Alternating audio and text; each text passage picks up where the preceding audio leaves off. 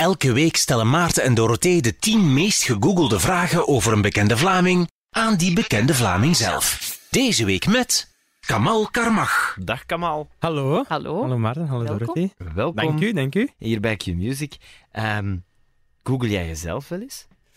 Eh, Google ik mijzelf? Eh, nee, nooit om te kijken wat er over mij gezegd wordt, maar wel als ik zo eh, naar...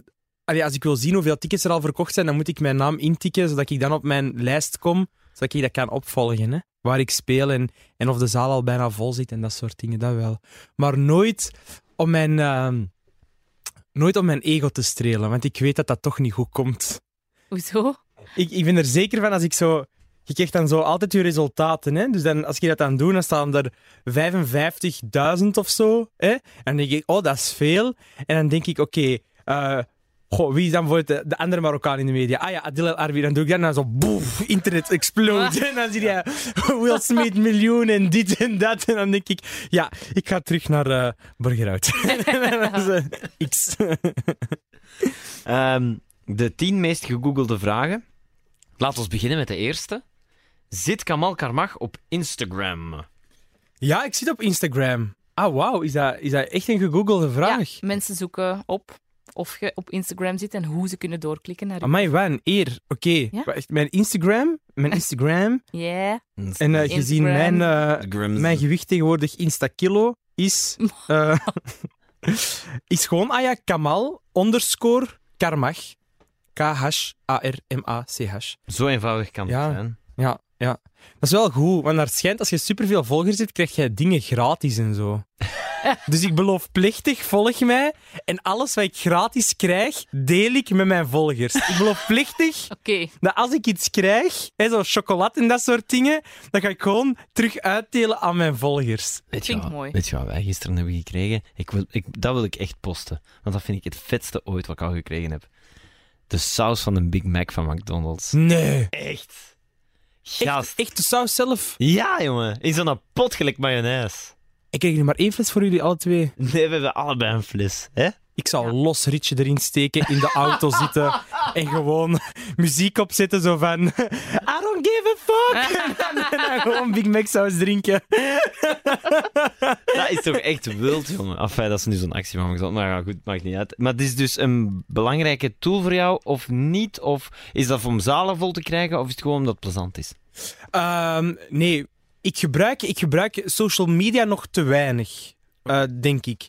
Ik denk dat ik een beetje verwend ben geweest, omdat ik vrij snel op televisie en zo kwam, waardoor ik zo het gevoel had van, ah ja, maar alles komt wel direct bij de mensen terecht. Maar ik besef nu steeds meer en meer hoe graaf social media is. Want dat zijn mensen die u willen volgen, die willen weten wat je aan het doen bent, die willen weten waar je, wat je van plan bent, die willen weten waar dat ze u kunnen komen zien. Ja. En eigenlijk is dat een eer om een grote following te hebben op Instagram. En dat moet je onderhouden.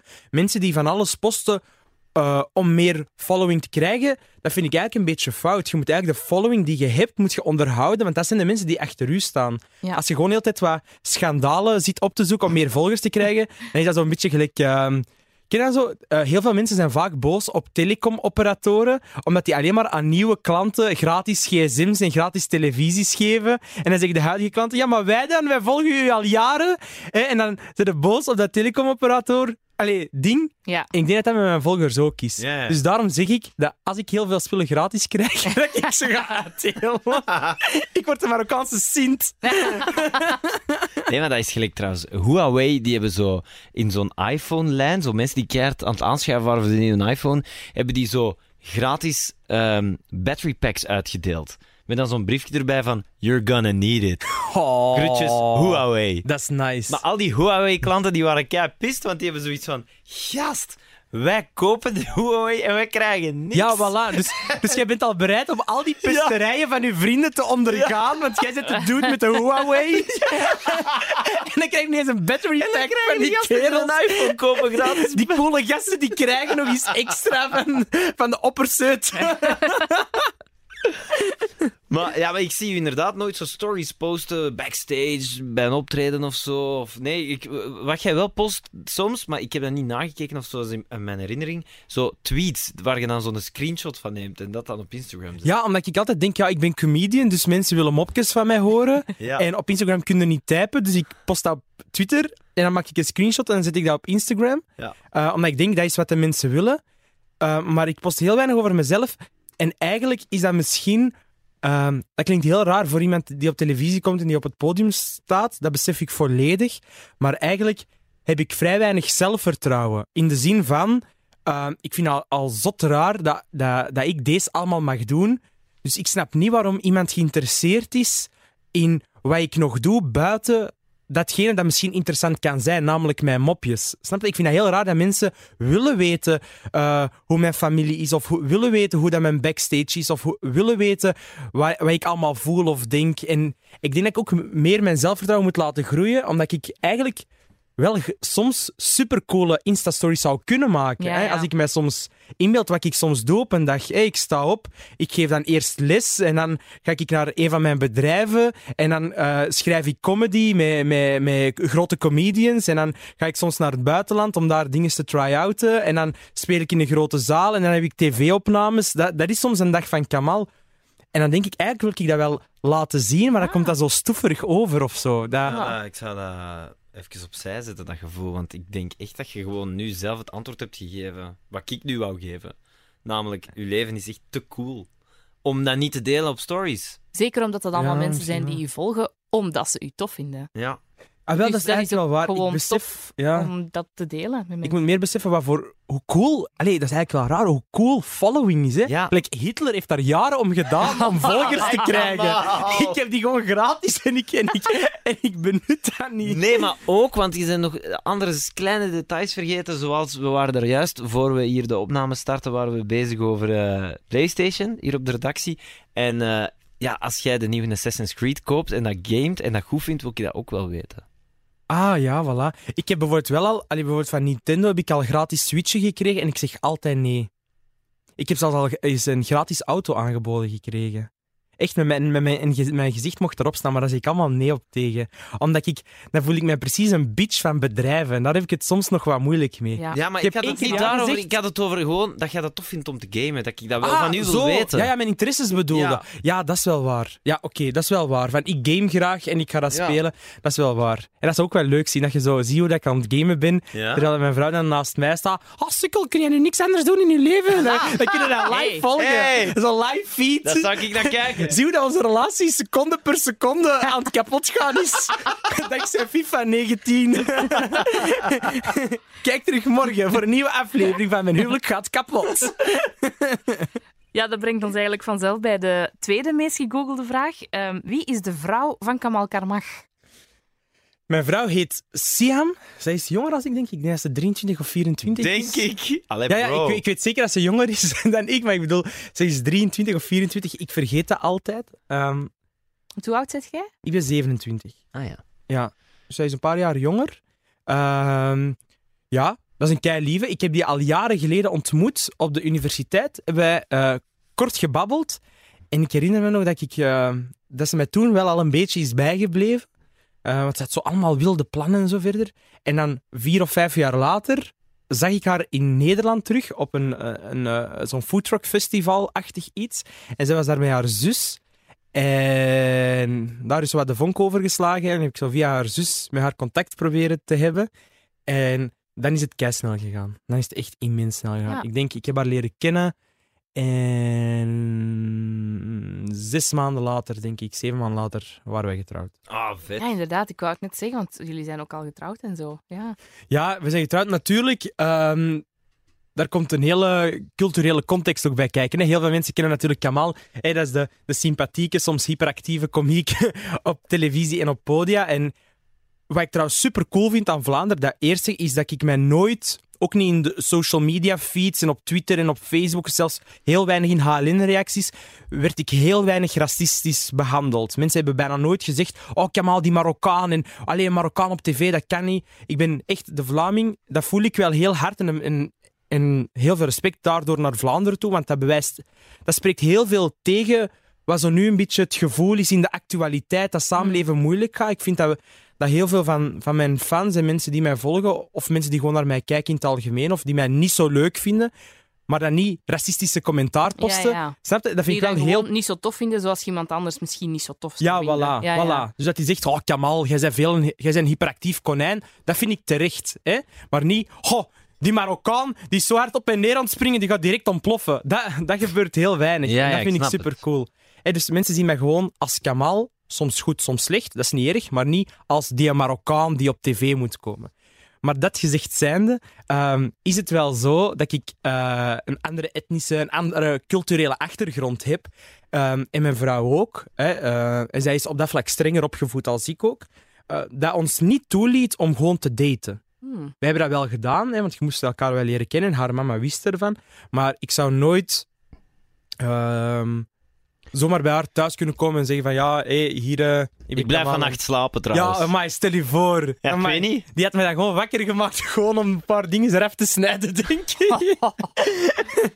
nee, dat had nooit dat had niet gekunnen. Dus dat was al...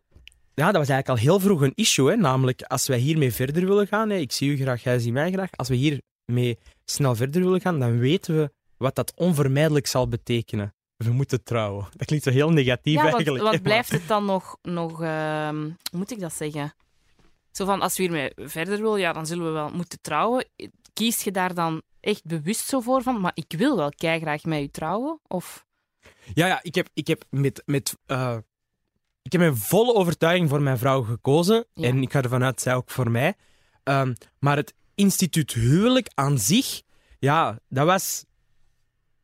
Ja, dat was natuurlijk minder vrijblijvend. Hè. Ik denk dat als huwelijk niet zo hard moest, hè, van onze, eh, vanuit onze culturele achtergrond en vanuit onze religieuze achtergrond, hadden we sowieso niet zo snel getrouwd. Hè. Ja. Maar wat ik heel mooi vind, zei ons papa, die zei ook dat als je elkaar graag ziet en je kiest oprecht voor elkaar en je zit er op dit moment van overtuigd Ja. Dat dat de vrouw van je dromen is, dan is elk moment dat je niet getrouwd bent, en met getrouwd bedoel ik het moment dat je beseft dat dat de persoon is voor de rest van je leven tot het einde der tijden, dan is elke seconde dat je niet getrouwd bent eigenlijk een verspilde seconde. En dat is wat me eigenlijk heeft overhaald om te zeggen, ja, Ja. fuck it, we doen het. Als het fout loopt, loopt het fout. Maar in het beste geval loopt het goed en dan hebben we spijt Tuurlijk. dat we nooit vroeger zijn getrouwd geweest. Mhm. Heb je dan vorige ehm lieve of vriendinnen gehad? Of is dat dan in die context heel moeilijk? Ehm, in die context was het altijd moeilijk geweest. Dus ik Ja. zou nooit in staat zijn geweest om zomaar een vriendin of zo mee naar huis te nemen. Ook van bij u thuis, want je zei er net, eh, mijn vriendin of mijn vrouw is strenger opgevoed. Ja. Maar bij u was het toch ook streng genoeg? Ja, Om- ik had, daarmee bedoel ik, ik had, ik had niet zomaar kunnen zeggen: Hé hey, papa, mama, hier is Rebecca en ik ga nu muilen. Zo, dat had zo nooit Niet zo een liefje meepakken op je 16 of zo. Nee, dat, nooit, dat denk ik ook niet gekund. Mijn ouders wisten dat wel. Hè. Hè, dus in die zin, mijn papa en mama, die weten dat wel en die hebben daar nooit iets van gezegd. Dus dat was zo... Ken je, een beetje gelijk ehm, cannabis in Antwerpen. Dat wordt gedoogd. Hè? Dus Ja, ja. de officiële statement eh, is, het mag niet. Hè? Ja, ja. Maar zolang dat we het niet zien, is het oké. En dat was eigenlijk altijd een beetje zo. Maar, maar, maar, maar, grote maar. ehm, tot, mij, tot, tot ik eh, dun was geworden. Ik zeg niet dat er nooit vrouwelijk contact was of zo, dat wel. Maar had ik nooit echt optie om een liefje te krijgen. Want ja, ik, op mijn zestiende woog ik 165 kilo of zo. Dus dat... Ja, ehm, Ja. Was, was gewoon op dat moment niet helemaal keihard de nummer één ja, dat was... activiteit. Ja, voilà. Als ik super, allee, als ik een, een slanke eh, Adonis was, dan had ik mij misschien daar meer moeten over druk maken van oh nee, ik heb zoveel vriendinnetjes en ik weet niet wat ik ermee moet doen. Ik weet niet wat... Maar in mijn geval was dat, was dat niet. Mijn, allee, mijn enige vriendin was, was eh, Pikachu of zo, weet ik veel. Dat is het enige waar ik goed mee kon babbelen. Pikachu een vrouw. Nu wel, hè. Pikachu heeft, krijgt een liefje in de nieuwe film. Echt? Ja, Dat ja. wist ik niet. Wist ik ook niet. Allee, Ja, ik ben nog altijd into Pokémon. Ja, blijkbaar. Ehm, doen jullie dan heel veel toffe dingen samen? Oh, gamen jullie soms samen? Ehm, ik speel heel graag Mortal Kombat op de PlayStation. Eh, Ja? En dat is een super bloederig vechtspelletje. Ja. En ik heb mijn vrouw eens laten meedoen, omdat ze vond dat ik daar te veel tijd in stak. En, en sindsdien wil ik niet meer met haar gamen. Oei. Nee, want weet je wat ik haat aan mijn vrouw? En ik denk heel veel vrouwen, ik veralgemeen niet, maar in het algemeen, maar toch. zij kunnen niet, zij gamen niet juist. Dus ik, als je Mortal Kombat deftig wilt spelen, dan moeten verschillende toetscombinaties van buiten kennen. Dus als je wilt dat er ineens zo ijs uit je handen komt om de ander te bevriezen, dan moet je naar links en vierhoek tegelijk doen, dan drie keer vierhoek, dan driehoek, dan kruisje, dan moet je twee keer draaien met je joystick en dan springen en dan komt er ijs uit. Maar wat doet mijn vrouw? Die tokkelt gewoon 100 keer op Oh, boksen. en dan wint zij. En dan zegt ze, allee, zo moeilijk is dat niet. Ik snap niet waarom dat jij er 50 uur achter zit. En dan zeg ik, vrouw, zwicht. dus sindsdien game ik niet. Dat is niet goed voor mijn zelfvertrouwen. Dat is niet goed voor onze relatie. Dat is niet goed voor de omzet van PlayStation. Dus laten we gewoon zeggen dat we ermee stoppen. Maar doen jullie dan wel andere dingen samen? Ja, ja, dat wel. Als er zo premières of zo zijn, dan, dan gaat ze zo wel mee. Of ehm, we gaan soms uit eten, we gaan op reis. Ik hou heel hard van Italië. Hè. Ik, ben, ehm, ik ben echt een freak als het gaat over renaissance en barokkunst. Zo. Dat is iets van dat ik van het middelbaar nog heb meegekregen. Ja? En ik ga jaarlijks naar daar, omdat ik zo... De politiek achter die schilderijen is exact dezelfde politiek als nu, maar toen al. Dus dat zegt heel hard hoe dat mensen nooit veranderd zijn. Dus ik ga, en nu neem ik haar mee en dan leg ik dat uit. En je voelt wel dat ik haar iets aan het bijleren ben. Hè? En dat ik mijn interesse deel met de ander. En zij deelt haar interesse ook met mij. Hè? Ja. Ik weet nu bijvoorbeeld dat je eerst een voorwas moet doen en dat je dan pas... Nee, nee, dat is, dat is een. Nee, nee. nee, nee. En zij deelt ook echt eh, heel veel interesses ehm, met haar. Zij, heeft, zij houdt heel hard van hoe dat mensen eh, nadenken over religie. Allee, zij is heel veel bezig met familie. Dat vind ik heel tof aan haar. Ja. Ehm, en zij zegt, ja, jij leeft veel te snel, Kamal, want at the end of the day... Allee, dat is hetzelfde voor jullie ook. Hè. Als jullie sterven, is er geen enkele baas bij Q Music die zegt... Oh, Maarten en Dorothee, wat was dat, jong? Allee, ik hoop het wel, hè, maar bij mij zal ook de VRT nooit zeggen van oh nee, dat gaat niet. En, wij allee, en als je dan beseft hoeveel levensenergie... En dat geldt niet alleen voor mensen in de media. Hè. Ik bedoel, een goede vriend van mij, die, die werkt 80 uur per week als accountant hè, en, en, en auditeur. Dus die controleert bedrijven en hij wil carrière maken. Hij verdient heel veel geld.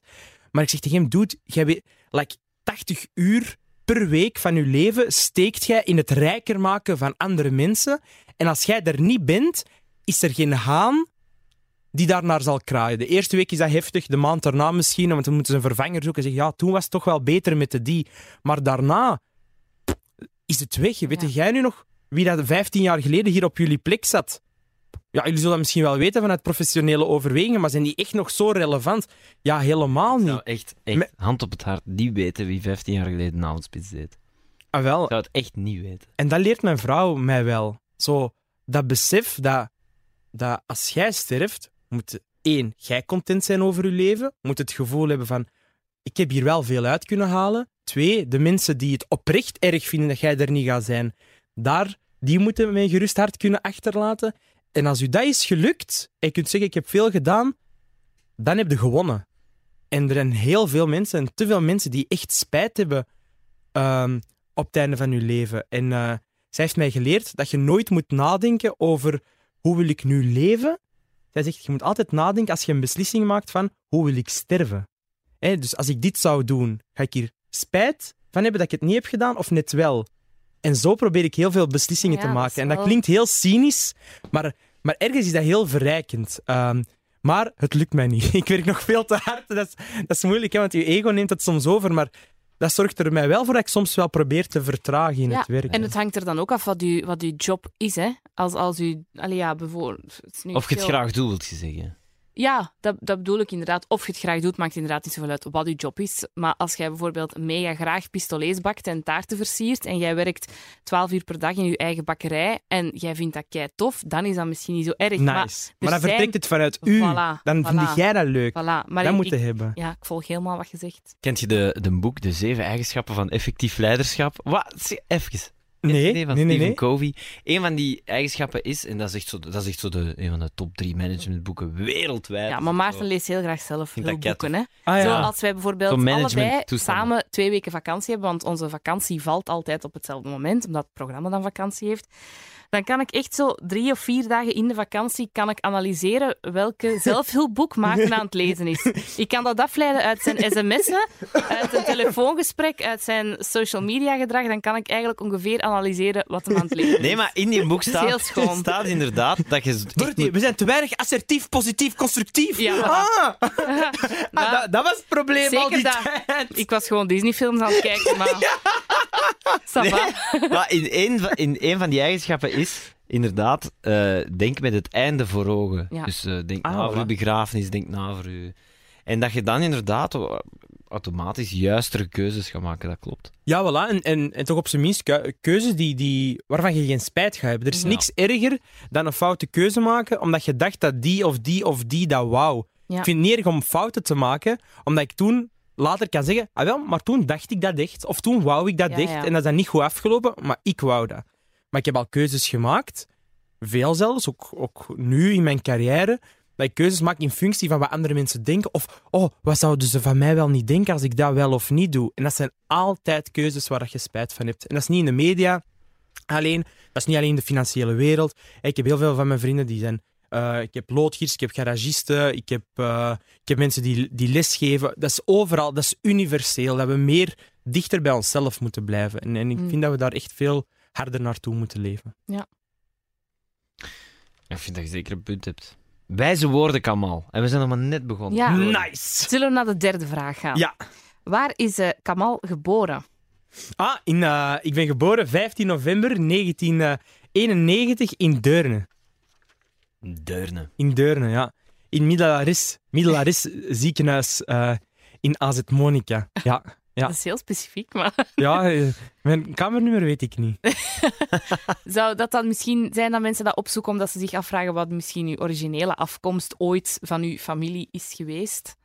Ah ja, ik denk dat wel. Ik denk dat mensen misschien zo dachten dat ik een vluchteling of zo Wat was. is zijn zo- levensverhaal? ik ben zo de ene die zo door Theo Franke zijn vingers is geglipt. The one who got away. nee, ik ben gewoon altijd heel braaf in, eh, in, in Deurne eh, geboren geweest. En direct daarna in Borgerhout gaan leven en wonen en, en eh, nooit meer weggegaan. Dus je woont nu nog in Borgerhout? Nee, Ah. Het is twee weken niet meer. ah. Allee, jong. En waarom weggegaan? Eh, omdat ik meer geld heb verdiend. nee, dat is, dat is niet waar. Ah, Ja, dat maar is ja, dat mag, hè. zeg. Nee, ik, ik woon nu in Deurne terug. Ik, woonde in, ik wou niet weg uit Borgerhout, want je moet weten, de, de, de manier hoe dat Borgerhout is georganiseerd is, is cool. Je hebt Borgerhout intramuros en je hebt Borgerhout extramuros. En in, dat betekent in de muren, dus zo binnen de single, hè, de, zo, dat is een weggetje, binnen de single en buiten de single. Ja. En intramuros, dat noemen wij, dat noemen wij Abu Jaja Borgerhout. Oh. Dat, is de, dat is echt, zo noemen wij dat, dat is de Borgerhout van toen. Hè. Mensen weten dat nog van vroeger, zo de, hè, die rellen en dan op de Turnhoutse baan en alles kapot. En dat heeft heel hard Dichter gezorgd... tegen het centrum. eh. Ja, dichter tegen het centrum. En dat heeft gezorgd voor... Dat is de Borgerhout met een slechte imago. En ik hou daarvan. Hè? Want het is daar eigenlijk fantastisch wonen. Ehm, hè, er, komen, allee, er, er is ook gentrificatie bezig. Er komen heel veel jonge gezinnen wonen. En dat, die buurt fleurt helemaal op. Hmm. Maar dan ben ik getrouwd. En dan zocht ik een nieuw appartementje of een nieuw huisje. En dan dacht ik, ja, ik wil wel misschien een, een huisje hebben. En dan ben ik moeten verhuizen. Maar ik weigerde weg te gaan uit Borgerhout. Dus dan ben ik naar Borgerhout Extramuros verhuisd. en dat is dus zo de, de, de middenklasse Borgerhout. Hè? En je weet dat je in de middenklasse woont, want daar komt de politie wel als gebeld. Allee, Kamal. Dat is toch echt een beetje een... ehm, wat je nu is toch wat Nee, nee, dat is, dat is- hè? dat is echt een Ah. duil, ja, ja, dat is een grote karikatuur hoor. Dat is, Ah, oké. Borgerhout is totaal niet meer waar het vroeger was. Het is echt fantastisch. Maar dan ben ik. ehm, en dan op een gegeven moment hebben we- waren we ook aan het denken: wat willen we later met ons leven? Willen we kindjes? Willen we dat niet? En toen dachten we: ja, misschien als we ooit eens een huis zien, dan moeten we er eens naar kijken. En ik denk een week erna kwam er een huis te koop, twee straten verder van ons huis in Borgerhout. Maar dat was dan net grens Deurne. En dat was een huis met een tuin en, en, en een garage en dat soort dingen. En dat was een heel goedkope prijs, want ik verdien niet zoveel. Ik moet echt serieus op mijn geld geld letten. Dus dat was bijna voor hetzelfde prijs als mijn vorige huis, maar mijn garage en alles erop en een tuin. En toen zijn we echt binnen de twee weken verhuisd zelfs. Gewoon. Zelf Je- al verhuisd. Je ja, woont ja, er dat is supersnel. Mijn, mijn bank heeft echt moeten pushen. En, allee, dat was echt niet normaal snel gegaan. Zo goedkoop was dat huis toen. Maar je kunt ook niet zeggen, we gaan op het gemak eens kijken naar een huis. Dat gaat niet. Zeker niet als je... Dat is onzin. De dag dat je beslist, we gaan eens op het gemak kijken, dan zet je verloren. Als je dat niet, eigenlijk stiekem niet wilt of zo, allee, als je toestemt met we zullen eens op het gemak kijken, want dan ziet je ineens overal te koop, te koop, te koop, en dan denk je ineens, oh my god! En wie was bij u de grootste huizenjager? Waren jij of uw vriendin? Ah, dat is nu... oeh, ik denk echt samen, hoor. Ah ja, oké. Want Normaal is zo in elke relatie één Ah, nee, maar zij pushte wel meer op hoe lang gaan wij hier nog zitten. Maar dat had dan eerder te maken met dat we zo geen balkon hadden. En dat je Ah, zo ja, een ja. beetje Ah, aan wel, het is verzieken hetzelfde. waart als het een mooie, een mooi weer was of zo. En... Ah, wel, bij ons was dat ook. Dan was dat op een gegeven moment van zodra dat je denkt, een nieuw huis of wat dan ook, dan hoeveel tijd dat je dan op zoekertjes-site Ja, zit. Oh, sowieso. Omdat je het niet wilt missen. Nee, voilà. En dan zat ik op een duur... Toen was dat nog eh, met Imoweb en met Capasa, toen was dat er nog allemaal. En op een gegeven moment kijkte verder en naar huis en dan scrollde door. En op een gegeven moment had ik Power Rangers robots gekocht ook. Oh my omdat je in God. tussentijd doorklikt op van alles. Zeg, ik zweer het. Ik had zo robots gekocht. Ik had zo een 3310, maar ongeopend in doos gekocht, omdat ik dacht dat gaat later veel waard Oh zijn. God, ik zweer het. dat was echt een druk op onze relatie. Ik ben op dat vlak ik echt raar. Op dat vlak. Op dat vlak. De vierde meest gegoogelde vraag. Wat heeft Kamal gestudeerd? Ah, nice. Ehm, ik heb gestudeerd. Ik heb dan economie, economie moderne talen gestudeerd op het Xaverius College in Borgerhout.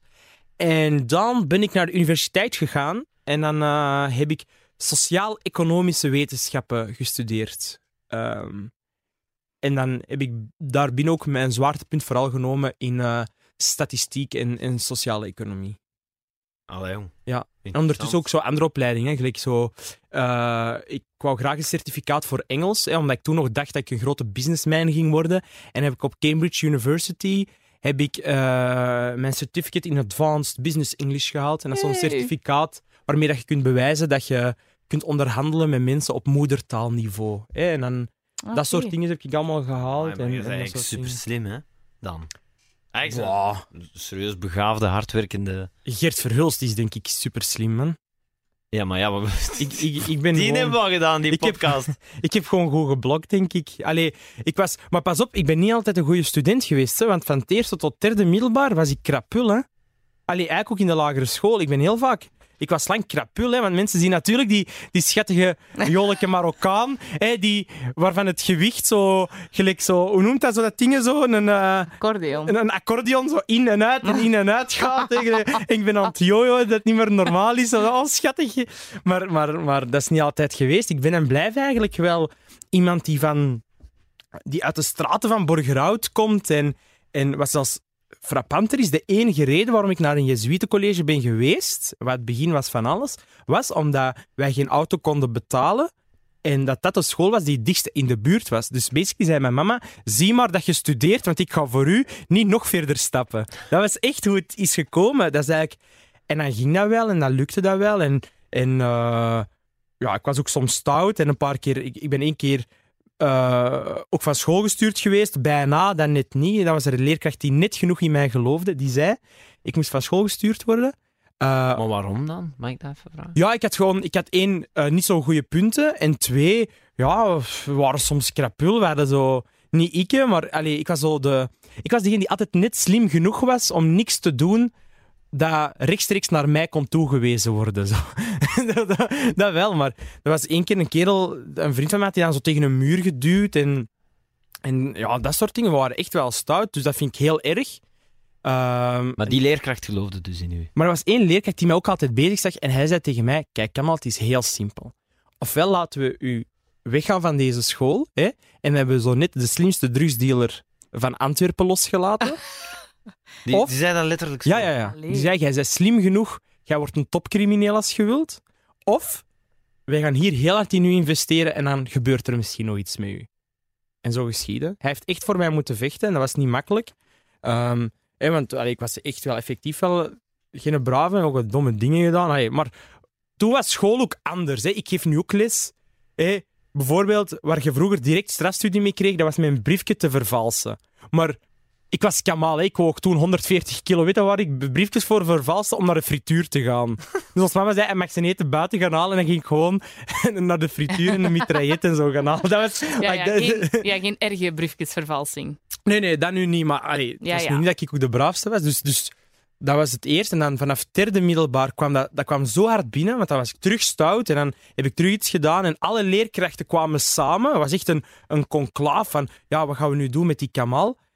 En ze hebben mij toen nog een laatste kans gegeven. Want die zei, die kerel, fuck, we willen Hij die eigenlijk... slim? We willen die niet, maar ah, fuck, we gaan spijt hebben als we het niet doen. Dus echt, dus hebben ze mij doorgelaten en dat had zoveel impact op mij, had zoveel indruk gemaakt op mij dat ik sindsdien was, deed ik gewoon wat ik moest doen en dan was school nooit meer, Ja. nooit meer een issue. Dat zeg ik nu nog, hè. En hij heeft niet alleen maar...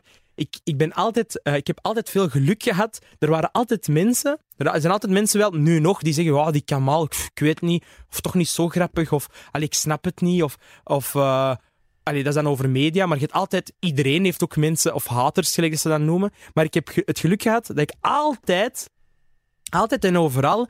En ik tel jullie daar ook een klein beetje bij. Zijn altijd mensen die zo mijn potentieel zien. Hè, omdat ik het zelf soms niet weet, maar er zijn altijd mensen die zo erdoor kijken en zeggen... Als hij ooit tot dat sparkeltje komt dat wij inzien, dan wordt dat een grote. Ja. Dus ik zeg nu nog altijd, ik ben maar het product van het vertrouwen van andere mensen in mij. Nog elke dag zeg ik dat. Ja, maar we doen dat ook niet voor uw schone ogen, hè.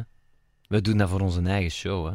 Ja, ja, maar, maar dat is oké. Maar als ik... Nee, maar ik bedoel daarmee, mij jij zegt- doet nu precies alsof wij u een gunst verlenen, maar, oh, door u een item te geven in onze avondspits. Maar dat is ook omdat wij een leuke avondspits willen maken en omdat we er zeker van zijn dat jij dat kunt.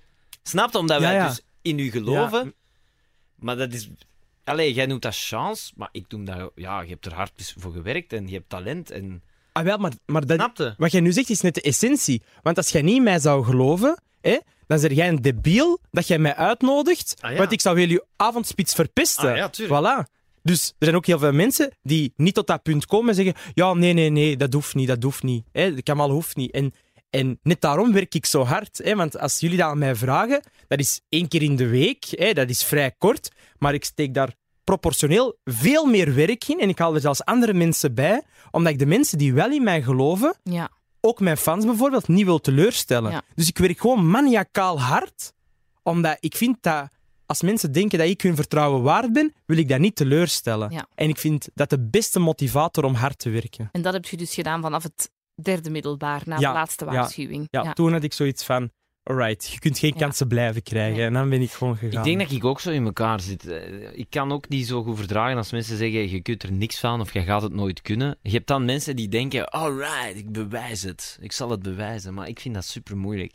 Ik heb liever iemand die zegt: ik geloof erin dat jij dat kunt. En dan, Ja. dan ga ik all in. Ja. Snapte? Dat heb ik ook. Maar zo motivatie halen uit iemand die niet in u gelooft, dat is. Ja. Moeilijk. Dat, dat betekent dat je ook een beetje onzeker bent. Hè? Ja. Anders zeg jij Misschien- Trump, hè?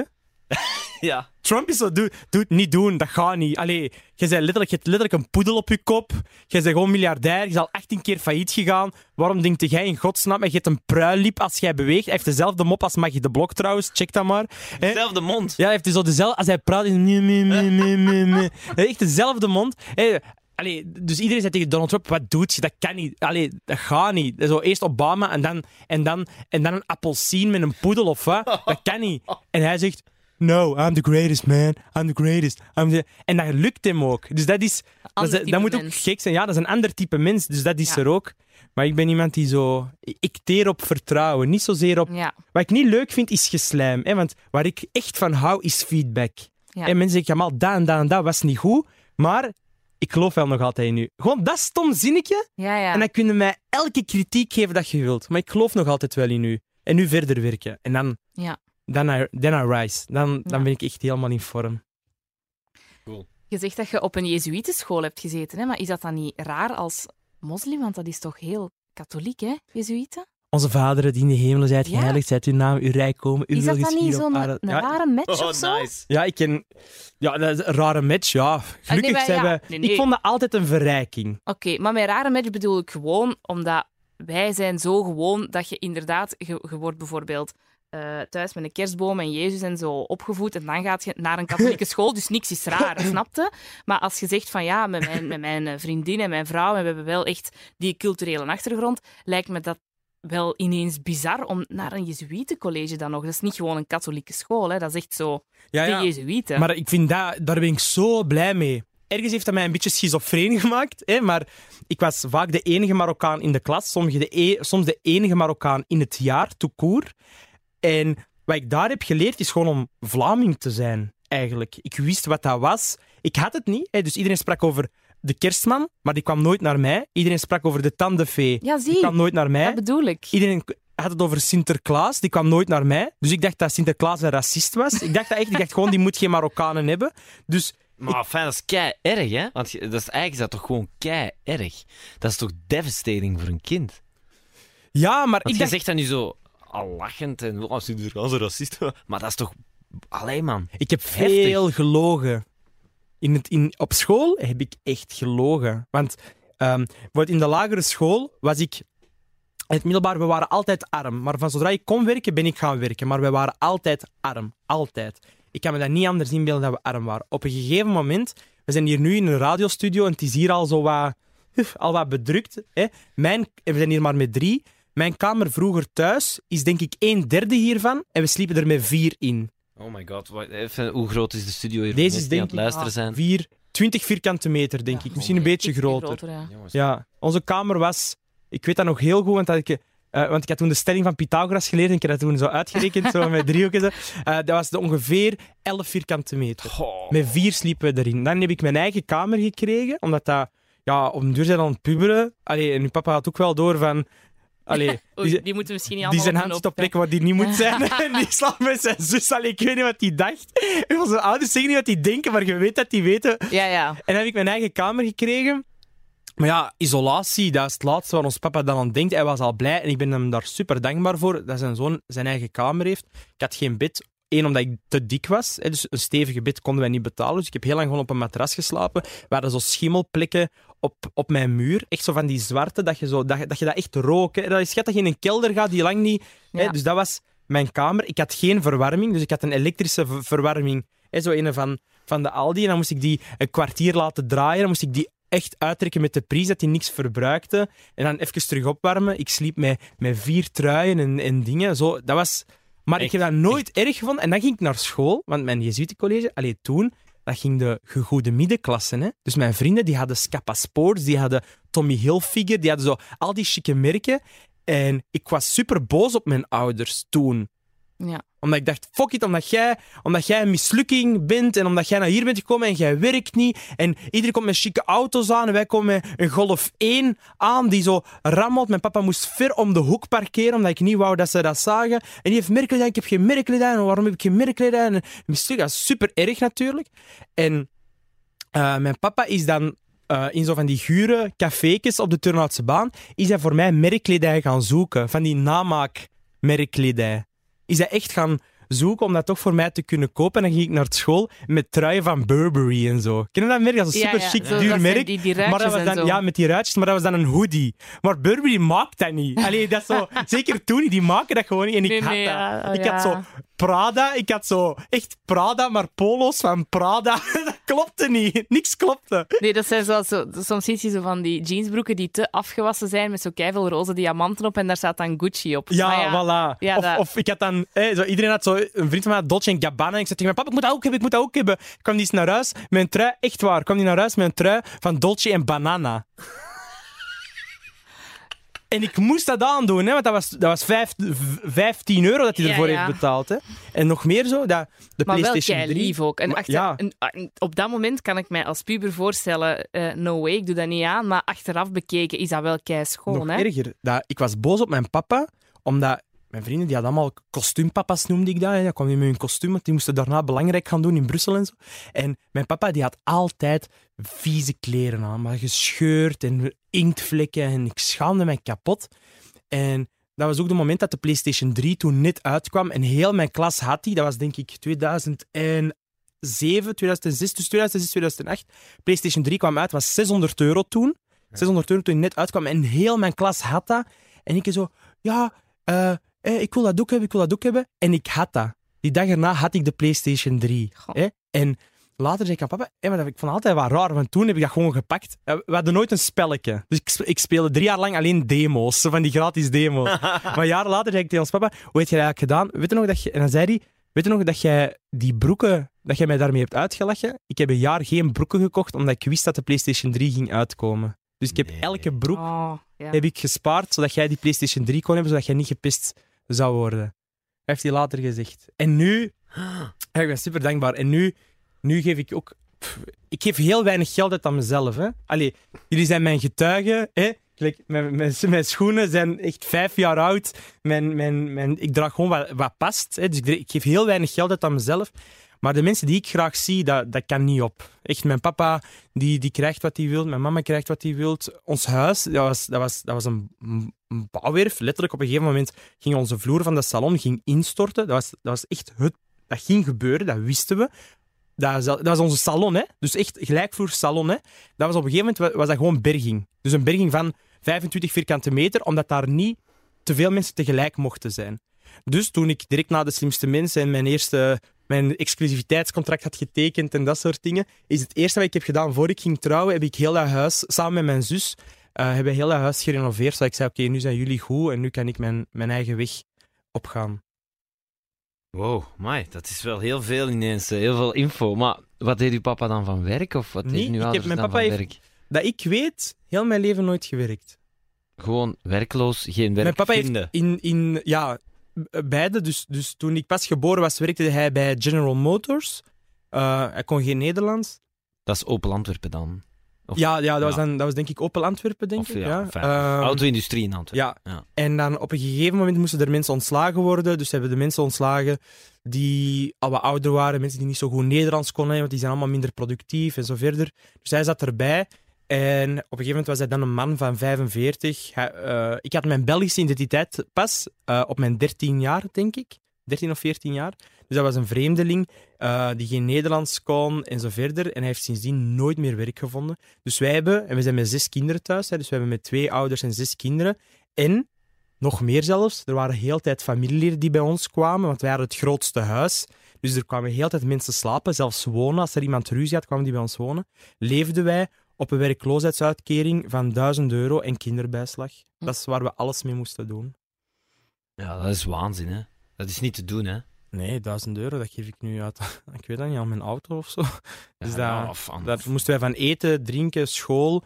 Ehm, maar ja, nu wordt het wel heel depressief, maar ik ben zelfs één keer niet mee mogen gaan. Ik heb daar ook in mijn show over. Hè, want da- daarom heet ook de schaamte voorbij. Als je dat hoort, denk je, what the fuck? Allee, da- daar gaat eigenlijk mijn show over. Maar op een gegeven moment, I kid you not, vierde leerjaar. Was, was het vierde leerjaar? Nee, vijfde leerjaar. Vijfde leerjaar gingen wij, eh, gingen wij op eh, sportdag. Hè, je weet, in de lagere school, sportdag, dat is de graafste dag ever. Want je moest de week ervoor moest je aanduiden welke sporten dat je wou doen. Het chalktocht, of wilde gaan eh, voetballen, of wilde de lessen afvaren, of wilde hockey doen, of wilde zo'n hoogteparcours doen. En we werden dat allemaal ingevuld. We hadden dat zo wat ingevuld met onze vrienden. We gaan met de mannen, gaan we allemaal samen eerst van de lessen en dan gaan we samen voetballen. Super enthousiast. En ik ging, de, dan, de dag was zover, ik had mijn, mijn zak bij, ik had eten, ik had alles erop en eraan. En ik kwam aan op school hè, om in de bus te stappen. Al mijn vrienden, woe, psyched, hè, party. En dan kwam onze directeur en die zei, Kamal, jij gaat niet mee. Ik zeg, huh, waarom niet? Ja, ehm, zoals je weet, hè, maar je moet je inbeelden, hij is aan het babbelen tegen een kerel van tien jaar. Hè? Mm. Tien jaar, hè? Ja, zoals je weet, ehm, is school gratis in Vlaanderen. Dus ik kan u niet tegenhouden dat je les volgt. Uh, maar we hebben gekeken naar uw schoolfacturen en de sportdag is een heel dure uitstap, 20 euro. En gezien het feit dat uw ehm, onbetaalde rekeningen zo hoog aan het oplopen zijn, kunnen we u niet toelaten om die kosten nog eens te laten oplopen. Dus jij blijft vandaag bij het vierde leerjaar, mag je van achter zitten en dan mag je hoekwerk doen. En mocht ik zo huiswerkjes opknappen. Ik dacht, what the fuck? En dan, dat was dat. Dus al mijn vrienden gingen weg. En ik zat dan van achter en dan was ik gewoon heel braaf mijn, mijn, mijn sommetjes aan het oplossen en kruiswoordraadsels. En mijn mama die schaam, die, heeft dat vorige week nog gezegd. Dat is een van de momenten dat ze zich het meeste voor schaamde. Dat ze dat tegen haar kind moeten zeggen dat hij niet mee mag. En sindsdien heb ik geen enkele onbetaalde factuur meer. Want ik weet nog dat ik naar huis ging. Ik zeg, ik mag niet mee, ik mag niet mee. Waarom mag ik niet mee? En dan heb ik gewoon de bankrekening afgepakt. En ik ben zo naar de, naar de automaten, dat was toen net aan het opkomen. En ik heb zelf die schoolrekeningen betaald. Ik wist, wist ik veel wat geld was. Ik dacht gewoon dat geld uit de bankautomaat kwam, dat er genoeg geld was, maar dat zij gewoon te gierig waren om het aan hun zoon uit te geven. Hè. Dus ik heb dat betaald. Ik heb die rekeningsuitreksels laten afprinten. Ik heb dag, na, dag erna naar de directeur zijn deur opengetrokken. Ik zeg, hier, ik heb alles betaald. Behandel mij niet meer als een schooier. En het feit dat je Nee, dat ook... Tien jaar. Ah, Ja. wel, het feit dat je ook nog exact die situatie zo voor de geest kunt halen. Allee, ja. Ja, ja, sindsdien wil facturen direct dat- betalen. maar- Direct, direct. Ja. Ik kan daar niet meer tegen. Direct betalen. Ik, ik moet geen schulden hebben. Direct. Heel mijn Donatello-zaken, alles, hè, heb ik geen cent voor geleend. Het enige waar ik voor leen is mijn huis. En zelfs dat ben ik al mijn geld aan het sparen om direct af te lossen. Ik kan dat niet hebben, schulden. Ik wil dat niet. Ik wil dat niet. Slot eigenlijk, hè? want ja, een lening voor een huis is eigenlijk zelfs iets dat je op een bepaalde manier zelfs positief zou kunnen bekijken en met belastingen en weet ik veel wat. Dus een lening voor een huis is eigenlijk niet echt schulden. Hè? Dat is niet Nee, nee, een onbetaalde maar- rekening. Maar Nee, dus nee, dat dat heeft wel een hele diepe indruk nagelaten dan. Ja, tien jaar, jongen. Dat, mij, ik, Ja, ja, ik ben vooral... maar Fucked up. ik Ik snap, snap het dat je helemaal, want het is echt een heftige situatie. Ik snap de directeur, dus nood zelfs wel ergens, maar je zegt dat niet, nee, tegen, je zegt dat niet tegen die jongen zelf. Je zegt Nee, dat niet tegen on. mij de dag zelf. Nee. Ik verdien het respect dat je de drie dagen ervoor een brief stuurt naar mijn ouders. Dat je op zijn minst...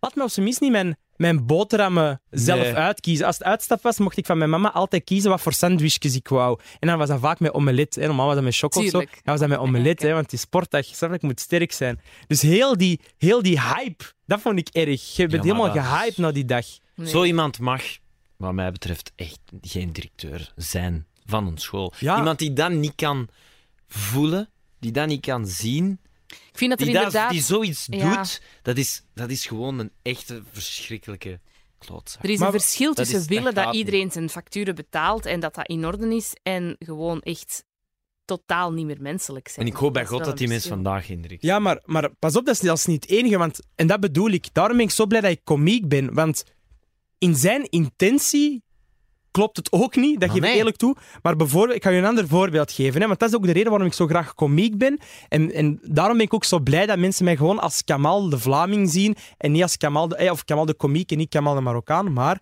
vijfde leerjaar, true story.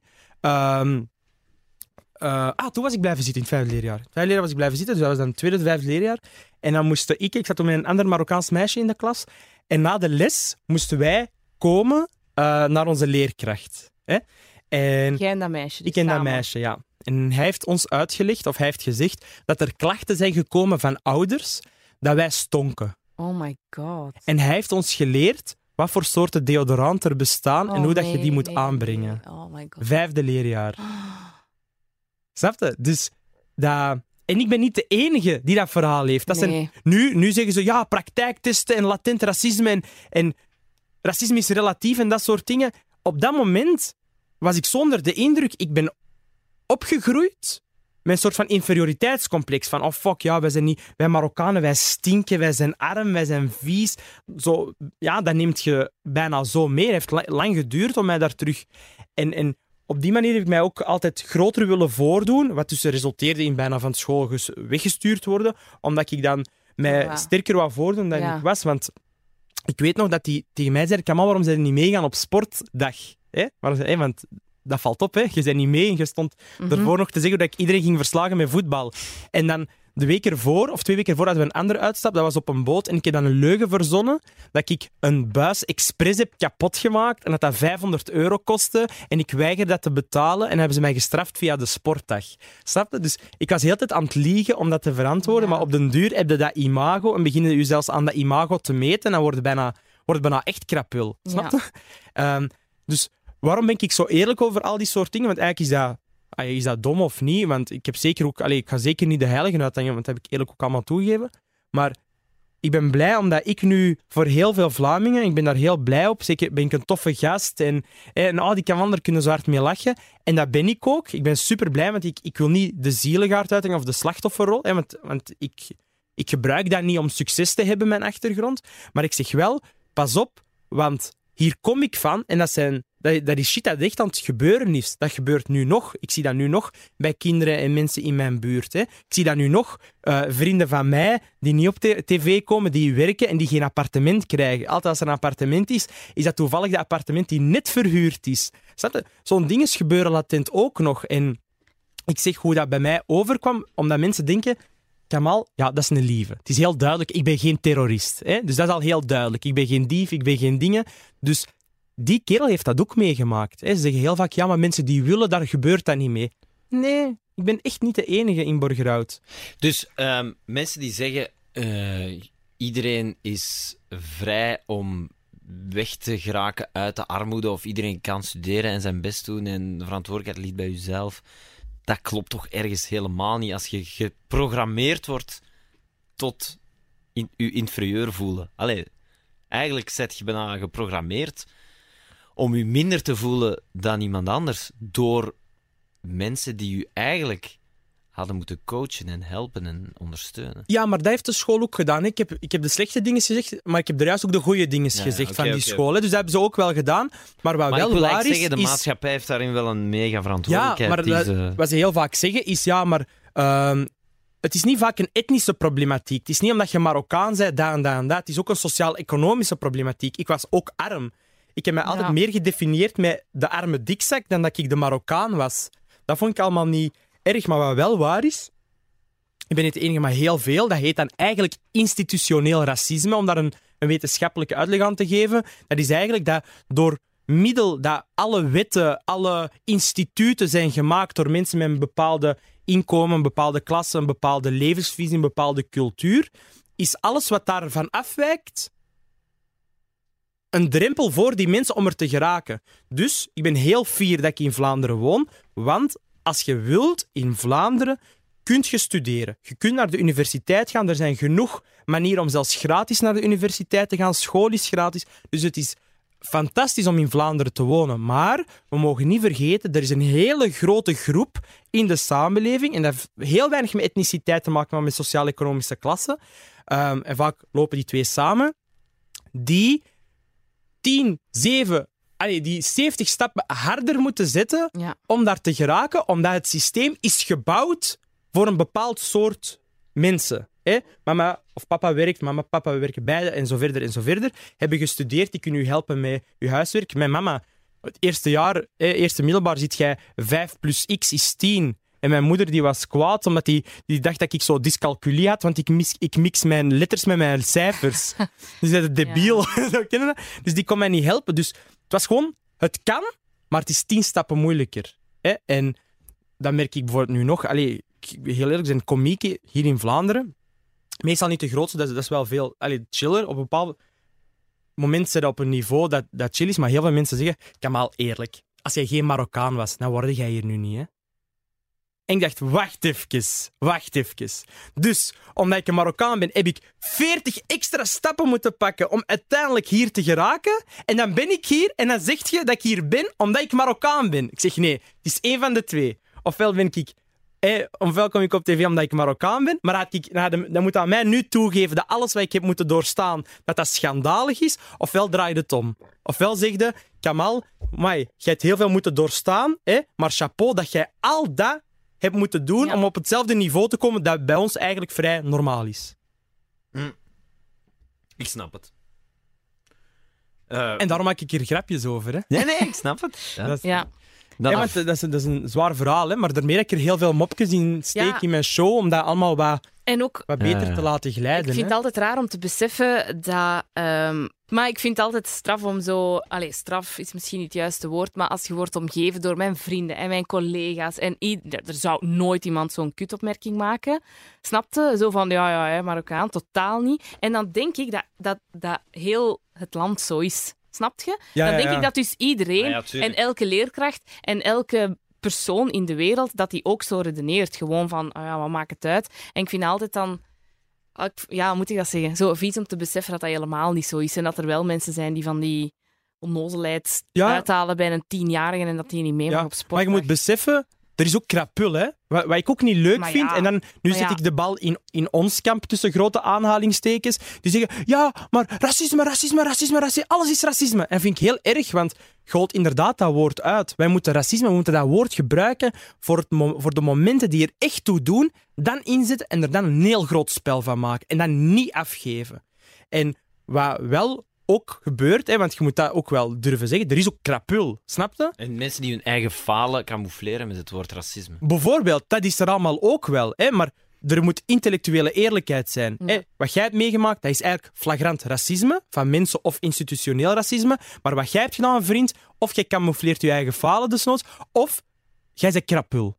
Ja. Dat mogen je ook kunnen zeggen, snap je? Ja, ja, Dat ja. moet je ook gewoon kunnen zeggen. Absoluut. Het is pas als je de echte problemen durft te benoemen, dan pas komt op het moment dat je ook je eigen fout als overheid, als, als samenleving, als, als mens ook durft aan te duiden. Hè? Want jij zegt iets en je gaat ook iets terug over jezelf zeggen. Ja. Maar als je alle twee je eigen fouten verheerlijkt en je geeft de schuld beide aan elkaar, dan ga je nooit een stap vooruit zetten. Ja. Dus ik zeg je eerlijk, heb dat en dat en dat meegemaakt. Ik als Kamal heb ook fouten gemaakt. Er zijn vrienden van mij, en dat is gewoon krapul. Dus die zijn gestraft op de manier dat het gaat moeten. Maar er zijn ook andere vrienden van mij, alle twee universitairen, zoeken een appartement en die krijgen geen huur. En dat is bijna quasi zeker omwille van hun naam. Dat moeten we dan ook kunnen benoemen. En als wij allemaal samen gewoon eerlijk durven zeggen, dat wat wij doen is fout, maar wat jullie doen is fout, laten we samen dat van mij oplossen en dat van u oplossen samen. Echt, binnen de kortste keren wordt Vlaanderen bangelijk om in te wonen. Daar Ja. geloof ik heilig in. Zeker als je een goede donut kunt eten. En dat brengt ons bij de vijfde vraag. Mooi bruggetje, Nice. Maarten. Mooi bruggetje. Nice. De vijfde meest gegoogelde vraag ehm, is niet echt een vraag, maar zoektermen die samen worden ingevoerd. Kamal, Karmach, donuts.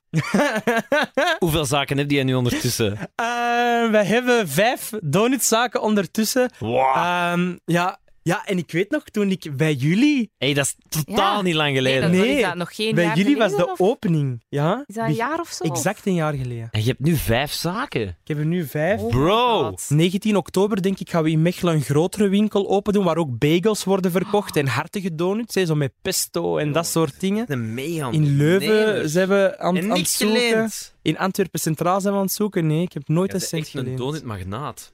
Ja, stel je voor. Jij kunt over twee jaar stoppen met werken. Ja, dan koop ik Club Brugge. Zeker dat. Ja. Dat is wel crazy. Echt waar, hoe komt dat, dat zo? Van waar komt dat succes? Of, of... Eh, ja, ja, ja. Dat is ergens hype natuurlijk. Hè. Eh, Mensen, dat is goed, dat komt uit Amerika. We zijn allemaal opgegroeid met Simpsons, hè, waar we dat altijd hebben gezien in Amerikaanse series. En nu zijn de mensen die vroeger naar Amerikaanse series hebben gekeken volwassen geworden. Wij hebben nu geld. En dat een dat we altijd in, op tv zagen, dat is hier niet, donuts. En dan is het aan mensen die ook die series hebben gezien, er ook goesting in hebben om te zeggen, weet je wat, ik ga het open doen.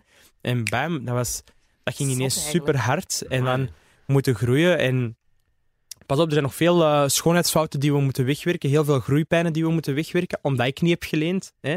Dat, is dat is het nadeel natuurlijk. Je moet veel zelf doen ook. En twee, je kunt geen honderdduizenden euro's spenderen aan veel mensen aannemen, groot pand. En we zien wel, het is toch niet mijn geld. Of ik moet dat toch pas later terugbetalen. Dus je denkt tien keer na over elke cent. Waardoor dat je soms zegt, ja, nu moeten we het zo doen, omdat er nu alleen maar dat geld is. Waardoor je na vier maanden moet zeggen, ja, ja het is toch niet zo goed gaan, laten we dat terugdraaien. Maar Mm. stap per stap per stap Ja. worden wij beter en beter en groter. We gaan in Antwerpen Centraal open. Eh, over een maand gaan we zo een takeaway open doen. We, zijn, we hebben een stationplan klaar. We hebben een franchiseplan zijn we mee bezig. We willen naar het buitenland. Wow. We zijn van alles aan het doen. Ik heb iemand erbij moeten halen. Hij doet nu alle operationele dingen, dus ik doe vooral nog maar strategie, omdat ik meer tijd moet steken in, in comedy en tv-werk. Dus hij doet alle operationeel dagdagelijkse Ja. dingen. En ik ben zo'n beetje... Ik probeer zo wat het brein te zijn daarachter of zo, ik weet niet. Vet. Heel cool. ja, vet zijn ze zeker, maar super lekker, die donuts. Ja, jongen, echt waar. Ik, ik vind dat echt heel straf. Ik, vind, ik, vind, ik sta daar echt van te kijken dat het zo snel en zo hard aan het gaan is. Maar dat kan ook morgen gedaan zijn, hè? Allee, dat is het nadeel aan een hype, hè, en dat besef ik volledig. Als Donatello ooit failliet zou gaan, dat, ik zou dat nooit als een mislukking zien. Dat vind ik super erg in Vlaanderen. Hè. In Amerika, ik heb Amerikaanse vrienden, like, faillissementen, dat, dat doe je zo op een dinsdag. Allee, dat is heel normaal dat je probeert en sukkelt en probeert en sukkelt en probeert en sukkelt, tot je eindelijk iets hebt gevonden dat bij je past en dat goed werkt. Ja. Ik heb hetzelfde met donuts. Nu lukt dat, dat is rendabel, dus ik blijf open doen tot ze rendabel zijn. Als dat niet is, dan stop ik heel dat spel. Ja. Dat is net ondernemen. En ik vind dat Vlaanderen, en ik zeg dat nu niet voor mijn voordeel, want daar gaat dat wel goed, maar in het algemeen mogen wij, moeten wij veel meer openstaan voor mensen die risico's durven pakken. Hè? En ook ondernemers. Da- daar wil ik wel even voor pleiten. Ja, dat snap Ja. ik. Maar het zijn ook heel slimme locaties, hè. Station, donutje, treintje pakken. Dat is heel, ja, Heerlijk. Er wordt Cool, wel over nagedacht, ja. En ze zijn lekker, hè? Super. Ja, Ja, zeker, ja, absoluut. hoor, ze zijn heel lekker. Ja. Oh my god. Nee, nee, nee, nee, nee, Ze zijn kei lekker, absoluut. Ik ben er met mijn, met mijn lief ook al geweest en zei: Oh, maar ik wil kei graag donuts kopen. Dus ja, kan ik bevestigen. Super lekker. zesde vraag hebben we eigenlijk al volledig gecoverd. Namelijk woont Kamal Karmach in Antwerpen. Wij weten dat het Borgerhout is en sinds twee weken Deurne. Ja, ja. Maar, ehm ja, ik weet niet. Ik heb ehm, zo West-Vlaanderen of Limburg zie ik ook nog zitten. Ja, opent daar nog drie, vier zaken in Hasselt of zo. Want ze hebben alle twee dingen die ik heel leuk vind. West-Vlamingen, ik vind West-Vlamingen fantastisch, omdat die hebben een ondernemerszin. Dat zijn, Ja, dat zijn Werkers. noeste werkers. Er is niks leukers dan West-Vlamingen in uw zaal krijgen op een vrijdagavond. Want dat zijn mensen die, die zitten zo in de zaal. Hè. Maar, ah, wel, ja, mijn West-Vlaams is niet zo goed, hè. maar ah, wel, ik heb nu hard gewerkt, een heel week, en dan ga ik lachen met die Marcoon. Dat, Ah. dat, Ja, dat ja. Dat, dat, een beetje lachen met die Marcoon. Hè. Ah. Dat is zalig, want die hebben echt gevoeld dat. En nu heb ik recht op ontspanning. Dat is bangelijk. En Limburg, stom cliché, maar dat is waar. Hè. Die zijn zo gastvrij. Dat is Ja. niet normaal. Ik, heb, ik, ik speel ehm, in Tongeren. En ik ben al getweet geweest door mensen die me zeggen dat er Limburg, Limburgse taart voor mij zal klaarstaan na de show. Dan denk ik, die Zalig. Limburgers zijn zalig. Bangelijk. Ehm, de zevende vraag. wanneer is eh, Kamal Karmach op tv? Oh, mai. Mooie vraag. Mooie vraag. Eh, we zijn met twee, televisiepro twee televisieprogramma's bezig. We zijn Mhm. die echt aan het uitwerken. We zijn van alles aan het doen. Dus ik mag daar eigenlijk nog echt niks over zeggen, omdat we... Als alles goed gaat, ik zal dat zeggen, als alles goed gaat, gaan we hopelijk herfst 2019 met iets nieuws komen. Oeh, oké. Ja. En ik beloof, als ik het mag zeggen, dan kom ik naar jullie. Ja, Yeah. oké, ja, Ja. dat is goed. Heel graag. Ehm, de achtste vraag dan? Eh, ook opnieuw zoektermen zoals bij de donuts. Kamal Karmach comedy. Ah, ja. Ja, Ja, dat is, eh, dat is, dat is eh, een verhaal waar ik zo fier op ben, zo trots op ben. Ehm, ik, ik begon met comedy. Ik weet dat nog de allereerste keer ehm, werkte ik als sociaal werker. Omdat ik mijn studies moest betalen. Dus, dus ik had mijn bachelor en dan moest ik werken om mijn master te betalen. En dan ehm, werkte ik als sociaal werker en we wouden iets cultureel organiseren voor mensen met weinig geld. Dus we hadden een komiek geregeld en een voorprogramma. En dat voorprogramma kon niet. En ik was dan op kantoor en ik was zo wat de grappige. En mijn collega's zeiden, kom al, doe jij eens iets. Hè, doe jij dat maar. En, eh, maar dat voorprogramma duurde 40 minuten. Dus ik zeg, ja, ik ga dat wel doen. Hè, en ik zal het wel doen, zo in mijn, in mijn jeugdige arro- arrogantie of zo, weet ik veel. En ik doe dat en dat was, dat was, dat was echt slecht. Echt 40 minuten. Als je krekels kon horen, dan hadden Oh, zelfs die krekels naar buiten horen Maar stappen. 40 minuten zo lang. Maar ja, 40 dat was zo al ingecalculeerd. Dat was zo, ja. je kon er niet Dat veranderen. is ook zo'n vak, jongen. Dat is zo'n... Weet je nog, Chris Peters tijdens dat debat, hè, dat hij zo'n mop probeerde te maken die niet werkte en in zijn gezicht ontplofte, dat was ik. Maar echt zo van die moppen, dat was zo, ik weet dat nog. Ik zeg, ja, ja, ja. En eh, ik ben Marokkaan, hè. Dus eh, hopelijk duurt het niet te lang, want dan steel ik jullie tijd. Oei. Ja. En dan zo naar het publiek kijken, zo van... Moet ik het nog eens herhalen? Misschien hebben jullie dat niet gehoord, Ja. zo, hè? want zo goed was het. Dat was zo gênant. En dan ben ik bij iemand opgevallen, die heeft mij in zo'n een, een, een traject gestoken over alle cc's en dan kreeg ik opleidingen van verschillende komieken. En dan zei eentje, ehm Fokke van der Meulen van Café de Joker, die zei tegen mij, Kamal, Ah, hij praat dan zo aan Nederlands, Nou, hè? jij, ja, Kamal. nou, Kamal, weet je wat jij moet doen? En hij Ja. zegt ook wat jij moet doen, hè? Het is niet, ik zou aanraden dat. Nee, jij weet wat jij moet doen. Jij moet jou inschrijven voor Humo's Comedy Cup, man. En ik zeg, ja, maar ik ben nog maar pas bezig. Nee, nee, sorry. Dat zei hij daarna. Ik heb eerst iets voor Radio 2 gedaan, dan zat ik in de finale, juist. En daarna zei hij dat. En dan heb ik meegezegd, ik zeg, maar fok, ik ben daar nog niet klaar voor. Nou, ja, maar jij bent beter dan al die andere sukkels. En zo. Je weet hoe hij zo praat, is een figuur. Als je hem niet Ja, kent, ik, is ik, zalig. ik luister soms naar zijn podcast. Nou, ik vind de hem heel podcast. grappig. Ja, de ja, podcast. ah, wel. En heb ik meegedaan en ik dacht, ja, ik haal de eerste ronde niet. Bam, ik haal de eerste ronde. Maar ik was toen acht maanden bezig. Hè. En dacht ik, oh ja, oké, ik heb geluk. En dan moesten we spelen op café in Gent, in de Charlatan. Ik speel, ik weet niet waarom, boef, dat ontplofte. En dan had die mentalist Gilly, had me, Ja. daar ben ik toen opgevallen. En dan mocht ik door naar de halve finale. En dat was de Minaar in Gent. Acht maanden bezig, een volle Minaar. En ik speelde. En Ehm, dat ontplofte, die zaal, bam, echt. En ik ging direct naar de finale.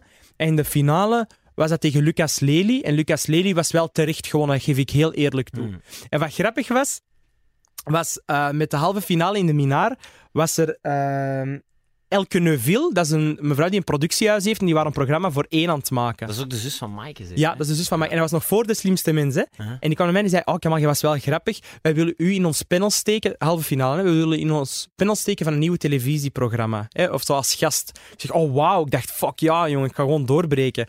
en ik dacht: Ja, ik win de finale. Op een duur dacht ik: Ja, allez, het gaat zo goed. En dan ben ik terecht ook verloren tegen Lucas.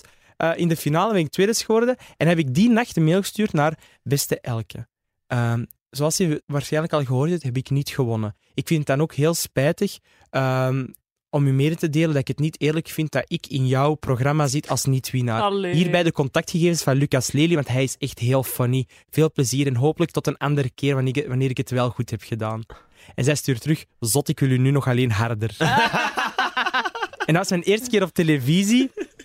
En dat was dan met Thomas van der Veken. Ja, ik dat echt gedaan. Ik weet nog, de, de mop die, die toen heel veel indruk maakte, dat was, dat, dat, dat was een, stom, een stomme vraag over een rat. Dat was zo gelijk, dat was beste kijkersachtig. Dat was een foto van een rat die van alle domme, domme dingen aan het doen was. En ik zat naast Merem Almachi van Groen.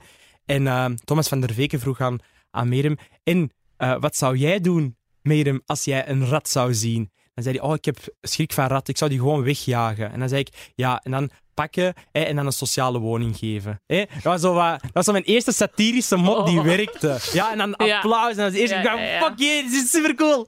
En dan mocht ik meedoen met de café-testen. Mocht ik meedoen met de café-testen voor de slimste mens. Ik dacht dat ik dat niet had gehaald. En dan mocht ik meedoen, klaarblijkelijk. En dan heb ik dat gedaan. En dan acht keer meegedaan. En, en, en dan is het ontploft. En dan... In het begin hebben er eh, eh, zenders ook gevochten en productie van ja, we willen Kamal, we willen Kamal.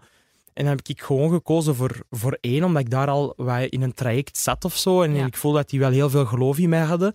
En van daaruit is, is, is, is het gegaan. En dan heb ik mijn eerste theatershow gemaakt. En ik dacht, eh, debuutshow, hè. Allee, ik dacht 10, 15 keer.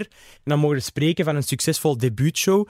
Mijn eerste jaar, gewoon mijn eerste jaar, hadden we bijna 60 data. En dat was zoveel, was zoveel druk, dat we ook een succesjaar hebben. En dat is het jaar waarin wij nu dus zitten, nog eens 50 keer.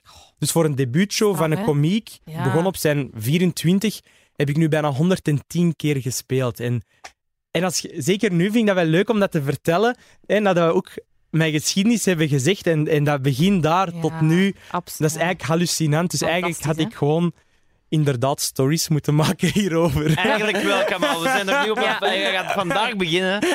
Hij gaat vandaag beginnen, dus eh, check het zeker op zijn Instagram. Kamal underscore Karmach.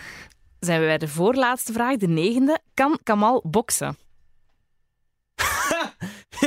Kan ik boksen? Ja, ja ik weet dat niet. Ehm, ik, ik, eh, eh, tegen Bill Barberis kan, kan ik niet boksen. Een hersenschudding heb je gehad. Een hersenschudding en nog altijd, ik heb een infectie in mijn rechterschouder. Oh, dus mijn dokter zegt dat ik nooit meer mag boksen misschien. Echt? Dus hij cortisone blijft spuiten en in behandeling ga. En dat is ook de reden, ja, dat heb ik eigenlijk nog nooit verteld, maar dat... Ik heb meegedaan met Boxing Stars, dus ik, ik kwam van 220 kilo, hè, ik ben afgevallen naar 75 kilo. En dan ben ik getrouwd en dan ben ik bijgekomen. Wat dus de normale gang van zaken klaarblijkelijk is.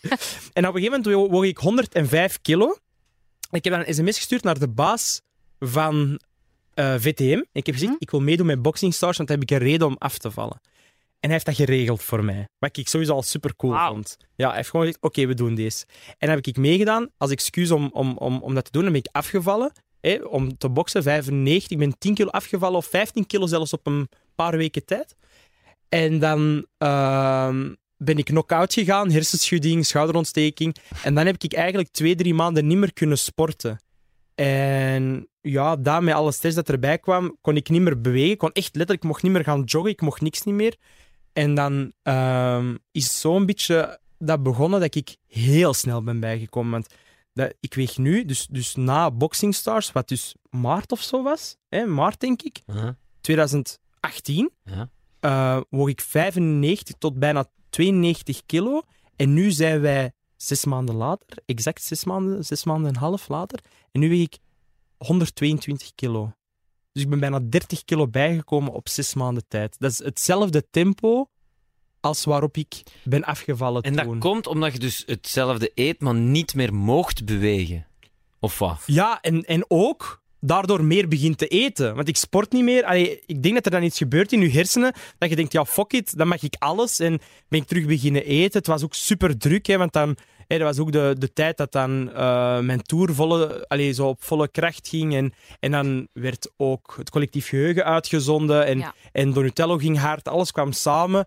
Dus dan op den duur zit je gewoon heel de tijd in je auto van, van heel hot naar her te rijden. En dan blijf je maar eten en je sport niet. En je denkt, ja, ik zal het, nu mag het toch verpest worden. Ik zal het wel inhalen als ik terug mag sporten. En dat komt dan maar niet. En dan blijf je maar in dat eetpatroon En haken. daar zit je nu in. Ja, Ja, daar moet ik echt wel iets aan doen. De laatste vraag kan ik eigenlijk ineens ook eh, erbij stellen, want we zijn er vanzelf over bezig. Wat is het dieet van Kamal Karmach? Is de tiende vraag. Ah ja, oké. Ja, ik, ben dus ik woog 220 kilo, dan heb ik een maagverkleining laten doen. Vaak mensen denken een bypass, dus dat je een stuk darm ook laat overzitten. Dat heb ik niet gedaan. Ik heb echt gewoon een stuk van mijn maag laten weghalen. Ja. Uh, en dan ging alles vanzelf. Um, maar dat helpt u niet. Dus dat, heel veel mensen doen nu de maagoperatie, maar wat heel veel mensen moeten weten over een maagverkleining, is dat dat u alleen maar helpt en ondersteunt. Dat is eigenlijk hetzelfde als dat je zegt, ik wil stoppen met roken en mijn dokter die gaat um, net genoeg dichtnaaien van mijn mond, zodat er geen of moeilijker een sigaret in past. He, dus als ik dan eens rook, dan, dan is dat al zo lastig dat je op een duur zegt, oh ja, nu is het makkelijker om nee tegen te zeggen. Dat is een maagverkleining. Maar je moet wel nog altijd stoppen met roken zelf. Voilà. Ja. En dat is mij drie jaar, vier jaar heel goed gelukt, omdat dat, dat zo'n shock-effect. Een, een operatie ook is voor de helft een shock-effect, namelijk, oké, fuck lichaam, we hebben deze moeten doen omdat wij niet van eten konden afblijven. Deze kans gaan we niet laten verpesten. Dus ik ben er vol voor gegaan. Ik, ik, ik verloor, I kid you not, drie kilo per week in het begin. Per week, hè? Drie kilo per week. Twaalf op een maand. Echt verloren. En dan, want ik at ook niks, hè. Ik stond op, ik had een, bakje, een half bakje meloen, smiddags soep en s'avonds pistache. Dat was Maar ja, jij zit, jij zit extreem. Ja, ik ben al... Ja, dat... ah, wel, nu heb je hem al samengevat. Ofwel ga ik extreem hard, ofwel ga ik niet. Want En neem nu, we beginnen zo. deze podcast en onze redacteur vraagt, wat moet jij drinken? En ik pak een zero en jij pakt een rode cola. Ja, maar dat is gewoon omdat ik geloof in Illuminati. Ik geloof, ik denk echt dat er zo harde rommel in heel dat aspartaam-ding zit. Ik denk dat jij nu het, het, het geheugen hebt van een muis, Maarten. Echt waar. Ik denk echt dat dat gebeurt met die Nee. cola, met die cola zero shizzles. Oké, een ik ander bij, voorbeeld. maar het is echt. Een Zo'n ander- witte suiker. Gelijk, gelijk die, die mooie cocaïne-schoonheid van suiker. Dan ziet dat eruit wat het is verslavend. Ik zie dat. Jij, jij, jij, jij, jij, zit precies aan een bakster. Oké, een ander voorbeeld. Je was bezig over die taart. hè? Die Ja. taart in Limburg. Maar ja, je zou dan toch kunnen zeggen, ja, ik ga nu, niet, ik ga nu geen gras eten elke dag, maar ik ga ook geen taart eten. Snapte? Ik ga gewoon eten. Ja, maar is dat dan niet Dat gewoon niet. een beetje eh, wat je ook zegt over zo'n maagverkleining? Als je op een bepaald moment bijvoorbeeld de klik kunt maken en je bent in staat om bijvoorbeeld te zeggen: Ik ga wel ook frieten eten, maar ik ga ook wel gezond eten en ik ga ook een slaatje pakken en je slaagt daarin, dan zijn je gewoon je eetpatroon aan het veranderen. Maar is dat niet een beetje wat je niet hebt met een maagverkleining? Dat je, ja, je eet natuurlijk wel anders, maar gewoon omdat het niet gaat. Je hebt niet Ja. bewust met je verstand gekozen voor: Ik ga af en toe eens een slaatje eten en ik ga af en toe omdat dat dan niet lukt. Voilà. De, de bedoeling eigenlijk van een maagoperatie ehm, is dat, doordat dat zo heftig is, en in het begin eet je bijna niet vanzelf, dat je die tijd neemt om je eigen mentaal een gezond eetpatroon aan te leren. Maar ik heb het op zijn kamals gedaan. Hè.